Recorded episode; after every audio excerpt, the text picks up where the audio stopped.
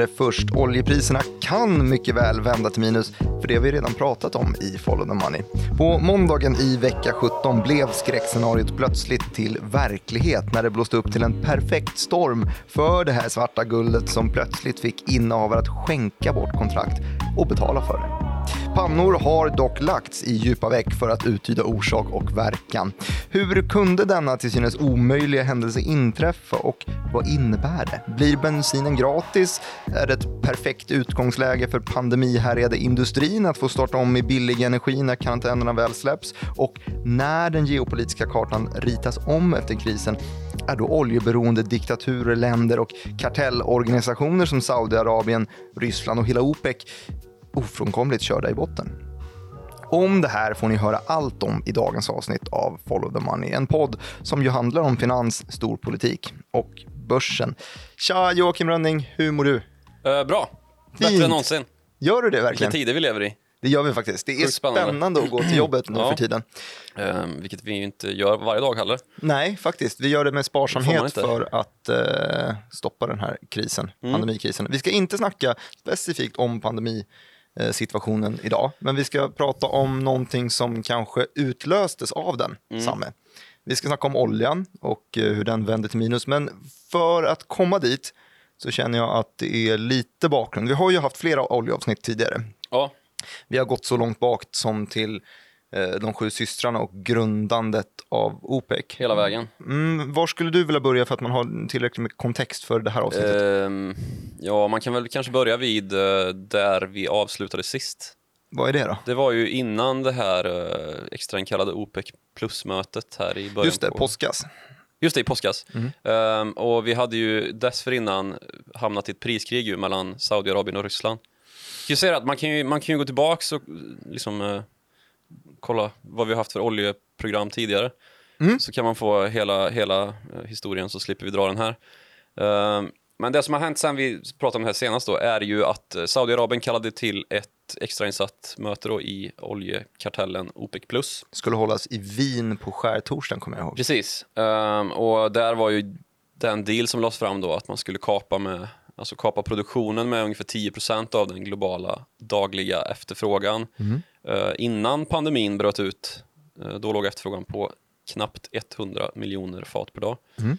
Så 10 miljoner fat ungefär eh, bestämde man sig för att produktionsminska. Mm. Och det här var ju då efter att USAs president Donald Trump hade ehm, ja, gått in i, trätt in i handlingen och s- ja, fått Saudiarabien och Ryssland att sätta sig ner. Ja, för det här var en, det var en, vi beskrev det som en kärlekstriangel mellan, Ja, mellan. Trump, det inte. Putin och MBS. Det, Ja. det, det, är, det, det är ingen kärlekstriangel kanske. men det är, en, det, är en, det är ju tre ja, spännande gubbar kan man ju säga. Visst är det det? Moham, Al- Mohammed bin Salman, eller MBS som man ofta kallas. Mm. Eh, Coolt att ha ett sånt eh, smeknamn faktiskt. Mohammed Bensåg kan man ju också kalla honom för. Coolt. Efter det här eh, styckmordet på journalisten Jamal Khashoggi som vi har pratat om Också avsnitt kort tre i varje... Mm. Ja, det brukar vi prata om kort i varje avsnitt. Eh, nej, men... Uh, Saudiarabien är ju helt beroende av USA som eh, exportör av vapen ju. Mm. Som USA, USAs roll som exportör av vapen och skydd för Saudiarabien. Mm. Ryssland ser ju gärna att eh, USAs frackingindustri som har gjort USA till eh, världsledande oljeproducent Mm. går under. Eh, och det gör man ju genom att priserna är på de här minimala nivåerna över tid. Exakt, för det snackat, har vi snackat om flera gånger förut Ja. också, att det dyraste bland oljeproducenterna Mm. det är att produ- producera sån här eh, fracking. Eh, olja, det, man, man betalar eh, över 50 dollar per fat eh, i snitt för det där. Yes. Och det kan man jämföra med att eh, Saudiarabierna och, och ryss, ryssarna de betalar lätt under 10 dollar per fat. Sugrör i sanden och så vidare. Exakt. Mm. Det har också varit förut.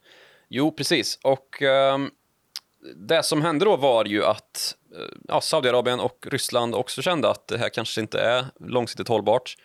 Och då under viss press av Donald Trump, som ju också har en del hållhakar på Ryssland ju. För de här sanktionerna som man har kastat då mot ryska oljebolag och energibolag och ja, you name it, storbolag, eh, har ju varit ganska så hämmande för de ryska statsfinanserna när inte ryska bolag kan utföra eh, kontrakt, förpliktelser åt ja, internationellt helt enkelt Mm. och ta betalt i dollar utan att det andra, de andra bolagen ska riskera sin dollarclearing Mm. etc. Ehm, så det här avtalet då som slöts på 10 miljoner fat per dag 9,7 va? Ja, 9,7 miljoner fat per dag. Mm. Jag avrundar Jag kan det här uppåt. nu också. Du är så duktig. Kul. Eh, det blev ju väldigt omskrivet ganska tidigt, eller en, en, ända i, liksom innan det var slutfört och liksom signerat, att det här räcker ju inte. Mm. För vi har ju en pandemi som eh, rasar där ute eh, och det är ju bara att titta upp i luften eller eh, gå ut på gatan så ser man att det är ingen som behöver Ja, och här kan jag göra ett inflik också. I, i morse så intervjuade jag Nordeas råvaruanalytiker, prisad snubbe, svinduktig, Mm. eh, Christian Kopfer heter han. Eh, och här drog han siffrorna då för, han nämnde också de här att tidigare så var efterfrågan för olja, på olja på 100 miljoner fat Mm. per, per dag. Och eh, de uppskattade den här efterfrågechocken som det har blivit eh, med pandemikrisen, att industrier har lagt ner, flyg står still och så vidare, till 20-30 miljoner dollar per fat. Så att det är en så stor Ja, miljoner fat per dag, precis. Exakt, Ja. miljoner fat per dag som minskningen är i efterfrågan. Ja, De- 20-30 procent. Det 20 ligger nog i toppen av det skulle jag gissa. Ja, okej. Då, då noterar vi det i hörnan här. Ja, eh, jag har ju inte, jag har inte liksom, ja, rätt eller fel svar på det, men en, om man ska sammanställa de analytiker som jag har läst eh, och kombinerat då med prognosmakare som OPEC, eh, internationella energiorganisationen, eh, myndigheten IEA, Mhm. etc. Så, så landar det på liksom över 25 procent av världsmarknaden eh, behovet för olja är borta. Liksom, och Exakt. Och då förstår man ju då om man sätter det i relation till att man sänker utbudet med 10 procent Ja. eller 9,7 procent som det Precis. faktiskt är. Det Det räcker ju inte riktigt. långt när. Plus alltså. att man väl inte riktigt heller kanske tror på att det faktiskt blir 9,7, eller? Är Nej, det blir det aldrig. d- för de är så exceptionellt usla på regelefterlevnad levnad i den här goa kartellsammanslutningen man har. Mm. Ehm, och det här är ju trasiga länder i rätt stor utsträckning som är med i OPEC och OPEC plus också. Då. OPEC plus är ju den här extra konstellationen som man upprättade vid ja, förra oljekrisen 2014. Där man också inkluderar då Ryssland och Ja. Kazakstan bland annat. etc. Och ehm, ja, liksom när, världen, eller när OPECs näst största producent är Irak eh, så säger det sig ju självt att det är svårt att få den här regelefter, regelefterlevnaden på plats. Man har också problem med Libyen och dylikt som eh, ja, antingen pumpar för mycket eller för lite för att uppfylla sina eh, ja, det man har förbundit sig till. Mm. Så det kommer nog inte bli rätt det här. Om det blir mer eller mindre återstår väl att se. Vi har ju inbördeskrig som rasar i Libyen samtidigt som vi har oroligheter ständigt pågående i ja, men typ hela övriga Mellanöstern. Ja, men vi ska inte gå in på det för mycket. Nej, det blir stökigt. Eh, Det annat avsnitt. Men, men då kan Ja. vi i alla fall eh, sätta en, en liten stämpel här på Mm. att nu har det här mötet då på, på långtorsdag, eh, Långtorsdagen. Långtorsdagen ja, blev det. Det. Ja, skärtorsdagen heter den. Ja. Det följs väl av kanske långfredagen då. Ehm, där kommer man då fram till den här katten på och de- 9,7 eh, Precis, och de kapningarna gäller ju från, eh, från maj månad, så de har ju inte trätt in i trätt i kraften. Nej, det är exakt. valborgs, en valborgshändelse. Så än så länge så fortsätter marknaden att bara överflödas och överflödas. Ja. Man producerar långt mer än vad man eh, efterfrågar just nu. Och någonstans ska det här ju ta vägen, för det är ganska Mm. kostsamt och svårt att plugga igen öppna Det brunnar. går typ inte. Det går ju, men då förstör man brunnen. Då fyller man hålet med cement och hoppas på det bästa. Typ. Ja, men det är väldigt svårt att få tillbaka trycket i de här brunnarna. Eh, Jag orkar nog inte gå in på hela teknikaliteterna där heller. Eller kan du inte? Kanske. Lägg av. Ja, okej. Du vet att jag kan allt. Ja.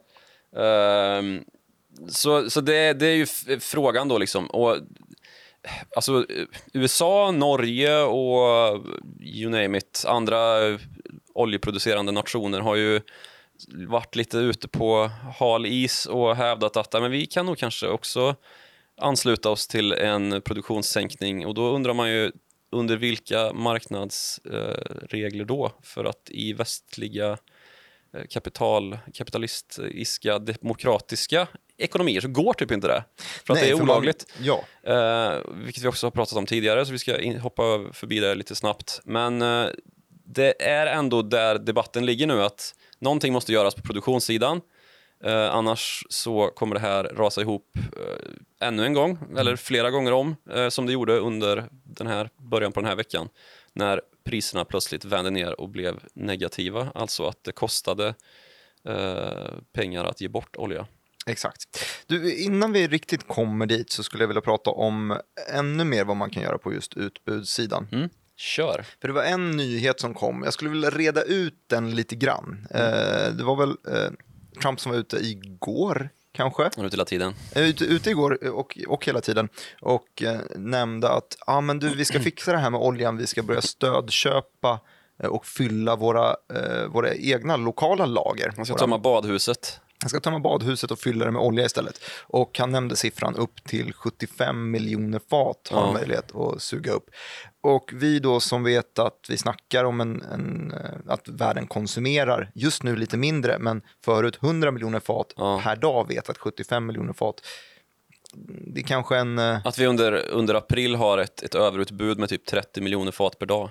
ja då, då är det inte så många dagar innan Nej, det är fyllt. Även om han då, får man förvänta sig, kommer bara köpa amerikansk inhemsk olja för att han vill ju att det är de industrierna som ska, ska gå bra. Så det kan funka ett tag, men vi snackar ju inte om en, en stödåtgärd som kommer liksom räcka ett Det är ingen halvår. långsiktig lösning. Nej, det är en är liten, inte. en liten mysbonus, men inte mer än så. Och en, liksom en eh, kapitalistmarknadslösning är ju att en massa amerikanska oljebolag går i konkurs.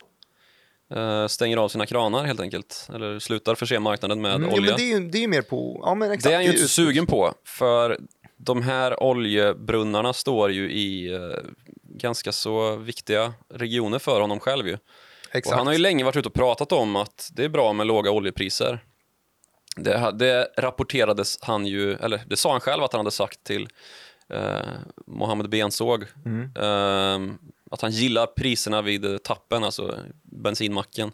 Mm. Han tycker det är nice när det är lågt pris så att konsumenterna Men det gäller ju nu bara för stöd. honom att helt enkelt få oljeindustrierna att överleva, att övervintra Mm, fram precis. Nu är det inte så till kul, valet. ja, precis. Och nu är det inte så kul längre med, eh, med låga oljepriser. Ehm, och det har ju redan börjat rasa ihop bolag i, den, ja, i oljebältet i eh, Texas och Oklahoma och de här eh, regionerna Mm. där oljan kommer ifrån i USA.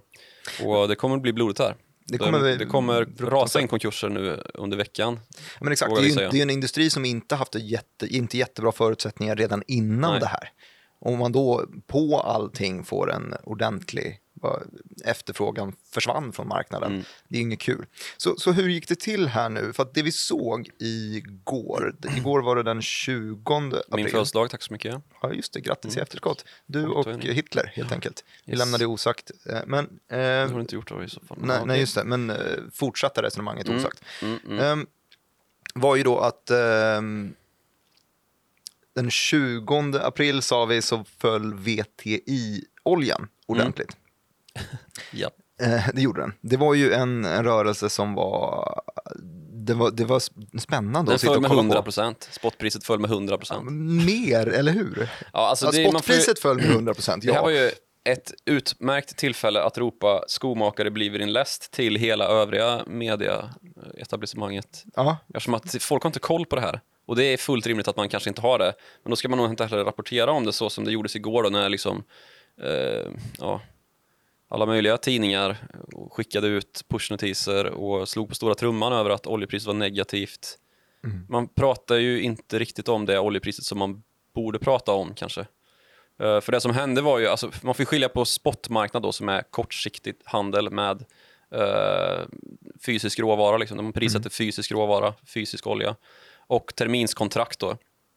Och det, det här negativa priset, eh, jag vet inte ens om det kan ske på spotmarknaden, utan det händer ju i ett kontrakt som förbinder dig att ta emot olja i slutet på maj. Och det kontraktet, handeln i det här kontraktet löper ut då eh, idag, tisdag 21 april. Och eh, 20 april då på eh, måndagen så blev det plötsligt eh, dyrare att inneha ett sånt kontrakt än att eh, köpa det. Ja, men exakt. Då, det är de priser som har, som har glidit ner till, eh, vad var bottennoteringen, minus 40 dollar Ja, minus fat 40 ungefär. dollar. Ehm, och alltså inte spotpriset. Preset. Ehm, och, och det innebar ju då, eller ja, vad, vad innebar det Joakim? Ja, det innebar ju att eh, det var en massa spekulanter som satt och hade de här kontrakten och räknade med då att det här kommer ju någon aktör som de facto ska ha olja att ta från mig, alltså att det kommer, marknaden kommer vara så likvid att det går att sälja kontrakten eh, ja, till ett pris som är eh, som relaterar till spotpriset kan man väl säga. det, brukar, det, brukar vara lit, det brukar vara en diff däremellan som då ska representera den här tidsperioden emellan att ta oljan nu i spotpriset och att ta oljan om en månad då, eh, i slutet på maj. Och Det ska liksom representera den här tiden det tar, som, som det kostar att ha oljan under den här perioden, då, lagerkostnad eh, och så vidare. Just det. Och det som råkade hända då var att det blev tvärtom, att eh, lagerpriset, alltså priset på lageryta där man kan förvara olja, blev dyrare än vad själva oljan var. Så därför var det ju ingen som ville köpa olja. Det är Nej. ingen som vill ha olja nu. Och de som satt med de certifikaten i, i handen, det blev ju Svarte Petter och en, en ordentlig, eh, kan Ja. man kalla det för long squeeze eller vad fastnar Ja, man i? man kan väl kalla det för long squeeze även om jag vet inte om det finns. Vi brukar ju hitta på bra Short squeeze är ju tvärtom när man ja, sitter precis. fast i en Kortklämman position. som vi ja. uppfann också här på byrån. ja, kul. Mycket saker vi uppfinner. Ja, men eh, precis. Det är ju någonting lite mer, ett, ett mer bekant fenomen ju i aktiemarknaden. Mm. Eh, där man har blankat en aktie och eh, den råkar börja gå upp. Gå upp till en så grad vill man ju att att en ens ner. kreditvärdighet eh, ifrågasätts och man blir tvungen att täcka sin position. Precis, det var lite åt det hållet då, att det blir en en väldigt eh, markant effekt på en redan pågående rörelse och på, rörelsen i oljan är ju ner Mm. Och då blir det liksom en Ja, en, en eh, amplif, den amplifieras den här rörelsen Mm. och eh, förstärks då. Det blev eh, Då väldigt blodigt. blir ju den, den Och, och stora... det, anledningen till att det blir just så är just den här spekulationen då, att det sitter typ ETF, alltså börshandlade fonder och har stora andelar.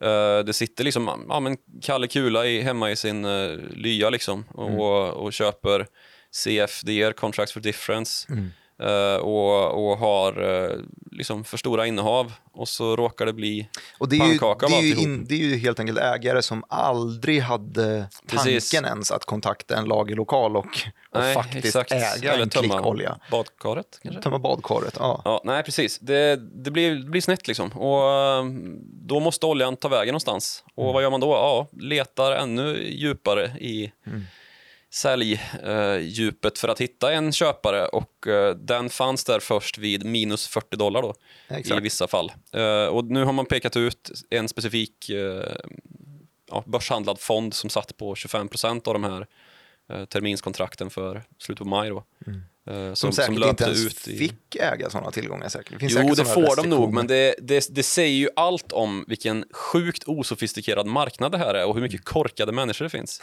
För det här är så, det är så illa skött så att det liknar ju ingenting. Alltså. Okej om det här hade hänt när man fortfarande liksom räknade med block och penna, att någon helt enkelt räknade fel, men här är det ju oerhört oinformerade personer som, som bara har tagit en alldeles för hög risk. Vi har sett liknande såna här grejer hända i ehm, ja, bland annat den nordiska energimarknaden här för inte så länge sedan när det uppstod ett liksom miljardhål i börsen på grund av spekulation som ja, inte visste vart den skulle ta vägen till slut och slutade i en stor portföljkrasch. Det var ju mycket mer låg, eller min, småskaligt. Liksom. Det här är ju eh, för en väldigt etablerad eh, ja, oljetermin, liksom. så det här är ju större. Men här kommer ju, det här kommer ju liksom få konsekvenser. Eh, och ja, man skulle gärna snacka lite med den som sitter med Svarte Petter Mm. idag. För det är ju folk som har råkat rätt illa till, eller illa ut i det här. Och, Älskling, du kommer äntligen få en pool. Den Ja, kommer precis. vara fylld med, med svartgegga. ja, precis. Skit, sjukt härligt. Mm. Du, det, det blir ju väldigt underhållande för oss som står vid sidlinjen och betraktar det hela. Ja, men det är ju fascinerande om än eh, sorgligt ju. Men eh, någonting som man skulle vilja reda ut här är ju varför det här inte sprider sig till, till Brent. Ja, Vad, vad skillnaden är mellan VTI och Brent egentligen.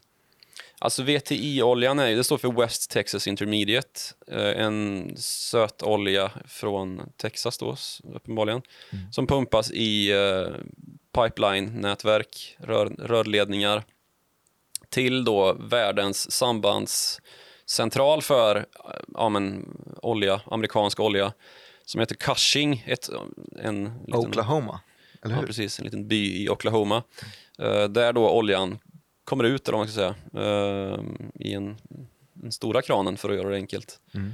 Och där finns då stora, alltså dussintals med eh, parker där det finns eh, oljesilos, alltså stora såna här ja, bunkeranläggningar liksom. Där man förvarar olja. Eh, och där finns det väl typ upplag för, jag vet inte, 80 miljoner fat eller någonting. Okej. Och sen så säljs den här då både inuti, ja, för leverans inuti USA eh, och ute på världsmarknaden då. Eh, USA har ju en ganska så hög egen eh, efterfrågan ju. Mm. Körs mycket bilar etc. Eh, det är ju inte riktigt eh, fallet med Brent, eller det är ganska mycket fallet med Brent för det är ganska mycket som går åt eh, Europa då. Eh, för kontraktet Brent då är ju, eller Nordsjöoljan kallas ju för Brent. Mm. Och ehm, där är det också ganska mycket som går på, på intern eh, förbrukning. Men eh, det har också blivit den eh, liksom, riktmärket för världsmarknadsolja. Så den är väldigt viktig för att prisbestämma oljegrader i Afrika till exempel och i Mellanöstern. Mhm. Ehm, ja, kort. Men skillnaden då mellan, eh, jag tänker mig var, varför det, det blev en sån, sån lagringskaos i USA men inte samma Ja, lagringsprisfallskaos i Brentoljan. Det var dit, Ja, just det. Sorry. Eh, Det, det är ju då att den här landutvunna oljan också förvaras på land. Mm. Och eh, Nordsjöolja då, den utvinns ju till havs och lagras på stora tankfartyg. Och eh, den liksom last, eller vad ska man säga, lastkapacitet.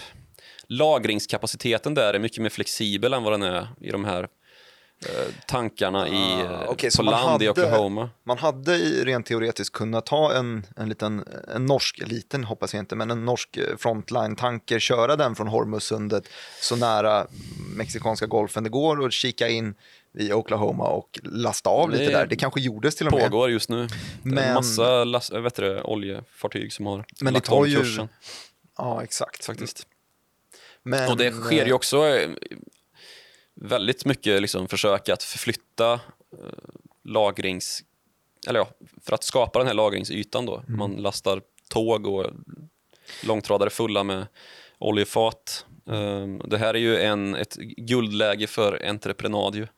Eller entreprenörskap. Och, Men eh, exakt. ja, det, det borde du ju behöver faktiskt... är ju eh, typ att gräva ett hål i marken. Ja, ner- För- Första bästa som, som lyckas lösa det där på ett hyfsat sätt kan ju Ja. tjäna bra med deg. Om Ja. det är folk som är så pass eh, desperata att man får betalt för att få olja liksom, så borde det ju Ja. mana till Och det här- uppfinningsrikedom. Det här var ju som sagt ett kontrakt då som löper ut idag. Mm. Det är lite skitsamma för eh, det säger ju inte så mycket om vad oljan egentligen är värd. Alltså olja är ju det, ett av de bästa energislag som finns, kanske det bästa energislag som finns uppenbarligen. Eftersom att, Bästa är ju debatterbart, men ja, mest bästa potenta ur, då? Mm. Ja, potent, det är väl ett bättre ord. Ehm, det, det är såklart inte önskvärt att, vi, att det är så, men Mm. tyvärr så, så är det ju det. Eh, vi hade ju inte kunnat leva våra moderna liv utan olja idag. Eh, och det som ehm, är lite problematiskt då när man skriver ut, som ju många gjorde på måndagen, att eh, oljan är minuspris på oljan. Liksom. Mm. Att man, det är ju inte sant riktigt, för det är ingen som, på det stora hela så är det inte på det viset, utan om man tittar på längre kontrakt, eh, typ kontraktet som nu rullar som det är liksom primära, eh, och det är ju det kontrakt som tar slut om en månad. Mm. Eh, jag kollade förut och det tar slut den 18 maj eller något sånt där. Alltså typ om en månad. Och alltså, de, de kontrakten handlas ju typ kring 20, eh, i alla fall när det öppnade. Nu är det Ja, säkert ner med exakt. 25 procent bara för att jag sa det. Ja, men, och, det är faktiskt en, en viktig rörelse att highlighta här. Att Ja. det var måndag 20 Precis, sen så april. vaknade man upp plötsligt på tisdagen och så var det ju inte alls eh, Exakt, den v, det var en, en klassisk ja, V-återhämtning. V-återhämtning. Hoppas covid-BNP-graferna kan följa efter den där, för den var exemplarisk i Ja, återhämtningsfasen. verkligen. Eh, Får den- vi se om det blir ett W eller ett U.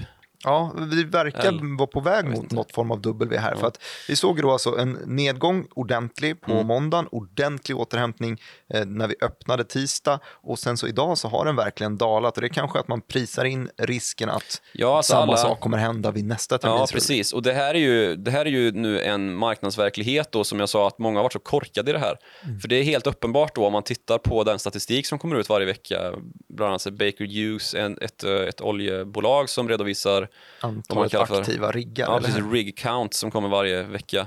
Och det liksom har störtdykt, um, vilket ju liksom säger någonting om hur eh, marknaden mår i allmänhet.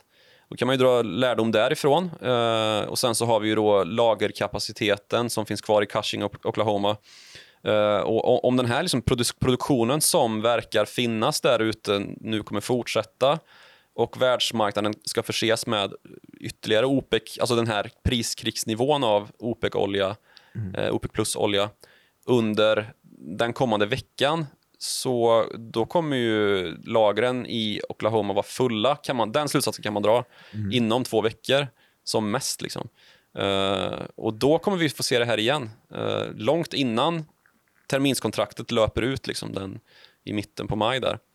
Men då finns det ju utrymme, för det finns ju olika sätt att lösa den här krisen. Ju. Eh, vi kan ju dels, skulle vi kunna ehm, få tillbaka efterfrågan. Mm. Kanske inte sannolikt att det löser sig på bara någon vecka eller sånt där. Det tar nog lite längre tid. Men vi har ju sett att, att Kina har startat upp. Vi har pratat om aktiviteten i deras Mm. industrier. När vi börjar se indikationer på samma typ av eh, återhämtningar i Europa och USA då betyder det att efterfrågan är tillbaka när vi börjar flyga igen. Då kan det här balanseras. Ett annat sätt är att, vi, att det sker något entreprenöriellt här. Att det är någon som lyckas hitta lagringsutrymme. Det grävs en massa gropar plötsligt. Exakt, lyckas man, lyckas man gräva bra gropar. Det känns som en sån sak som skulle kunna lösas på ganska kort tid. Ja, jag ändå. tror Elon Musk kommer dyka upp här snart med en ja. Ubåt. Tesla-fabriken är helt värdelös i alla fall, fylld med olja. Ja men typ, de har ju, där har de ju lagt ner. Det vore ju perfekt. De, de tillverkar ju inte eh, ventilatorer där, men eh, det skulle de ju göra. Mm. Men, ja, men precis, det finns ju eh, skämt åsido möjligheter till lösningar här, men ja, som vi sa tidigt här att efterfrågan är det som styr. Mm. Det har vi sagt i varenda program nu de senaste tio veckorna. Eh, och, eh, eller viruset är det som styr, för att det är det som styr efterfrågan då, när efterfrågan ska komma tillbaka. Mm. Och det är ingen som vet hur viruset kommer eh, agera, eller viruset agerar inte, men hur det kommer spridas.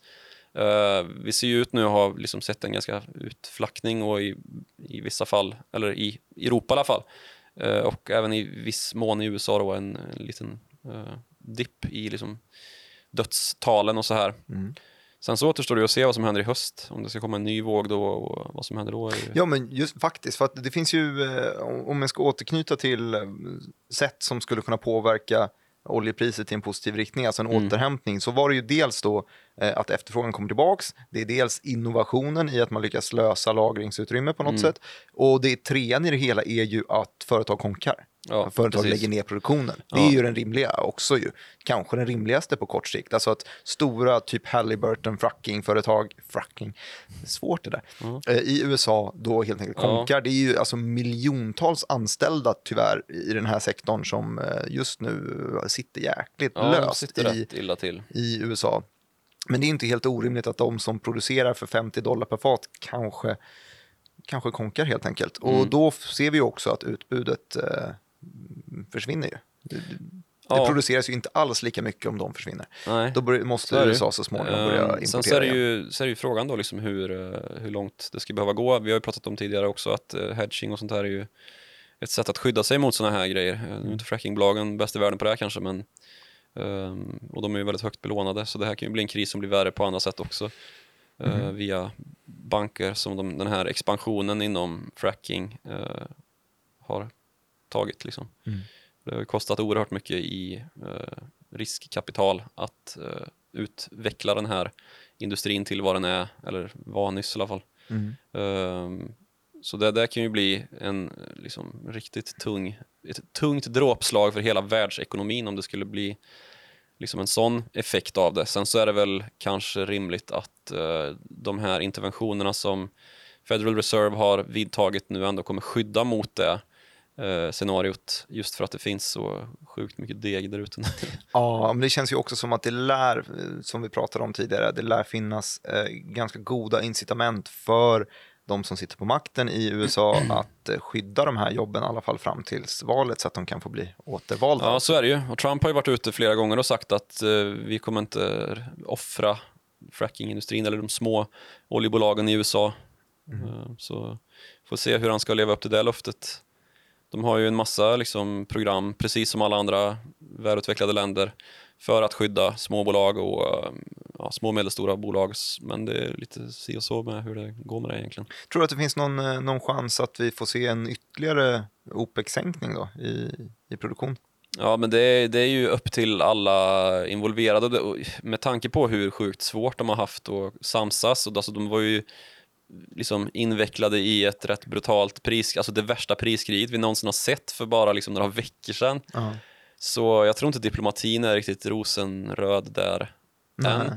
Är det ett begrepp? Rosenröd diplomati? Nej, men jag förstod vad du menar. Den är inte rosenrasande, eller vad säger jag? Den är, ja, Den är, den är nog ganska rosenrasande. rosenrasande. Ja, det Eh, såg vi framförallt från, eh, jag gissar att du följde samma källa som jag under den där eh, kvällen. Det var hon, eh, Reut, före detta Amina Reuters-korrespondent. Backer. Amina Backer, exakt. Som rapporterade från sin insiderkälla där. Ja. Som berättade om att Mexiko bara hade stormat Mm, ut och lämnat mötet. Mm. Och vad var deras andel av de här 9,7 miljonerna? Jo, 0,6 typ va? Ja, 0,4 till och med. Ja, okej, och sen så ville de ha, nej, vi vill bara ha 0,1, alltså 100 000 fat. Ja. Och de hade liksom kidnappat hela eh, mö- mötets framfart under några timmar. men Så vi ser hur stor, om, man liksom, gillar, alltså, om man gillar geopolitiskt eh, grekiskt drama så är ju det där the place to be alltså. ja, det där borde ju visas istället för Big Brother på tv. Verkligen alltså. Med, eh, ja, det hade varit... Amina Backer som kommentator. Ja. Fantastiskt. Ja, med de orden, är det någonting mer vi borde nämna om oljan, Joakim Rönning? Är det något du har på ditt, eh, på ditt bröst? Det är det säkert. lätta? Men eh, ja, vi... det kanske är lite tidigt att, att dra de här stora växlarna för vad som ska hända med det geopolitiska spelet. Där har vi kanske inte riktigt varit och doppat tårna än. Nej, vi, vi, jag skulle gärna återkomma till det. Mm. Eh, vi har ju sett lite rörelse från, från Saudi tidigare och eh, det vore kul att se hur de, hur de ser på framtiden. De, är, de vill, jobbar ju väldigt hårt för att eh, västvärdifiera sig och vi har sett till exempel Ja, eller gör de det verkligen? De, eh, jobbar väldigt hårt för att få upp chimären av att de västvärdifierar Där sig. kan vi nog mötas. Ja, exakt. Ja. Formuleringar. Ja, men eh, vinnarna hittills är väl ändå Kina som har en väl- en väldigt stor eh, förbrukning ju av energi.